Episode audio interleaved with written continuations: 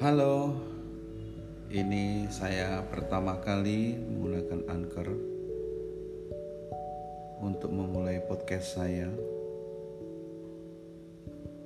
yang mana nantinya ini akan berisi tentang cerita masa lalu, masa lalu saya. Karena saya tidak bisa cerita masa depan saya. Oke, sekian perkenalan dari saya, cukup singkat dan tidak menarik. Tetapi harapan saya semoga Anda semua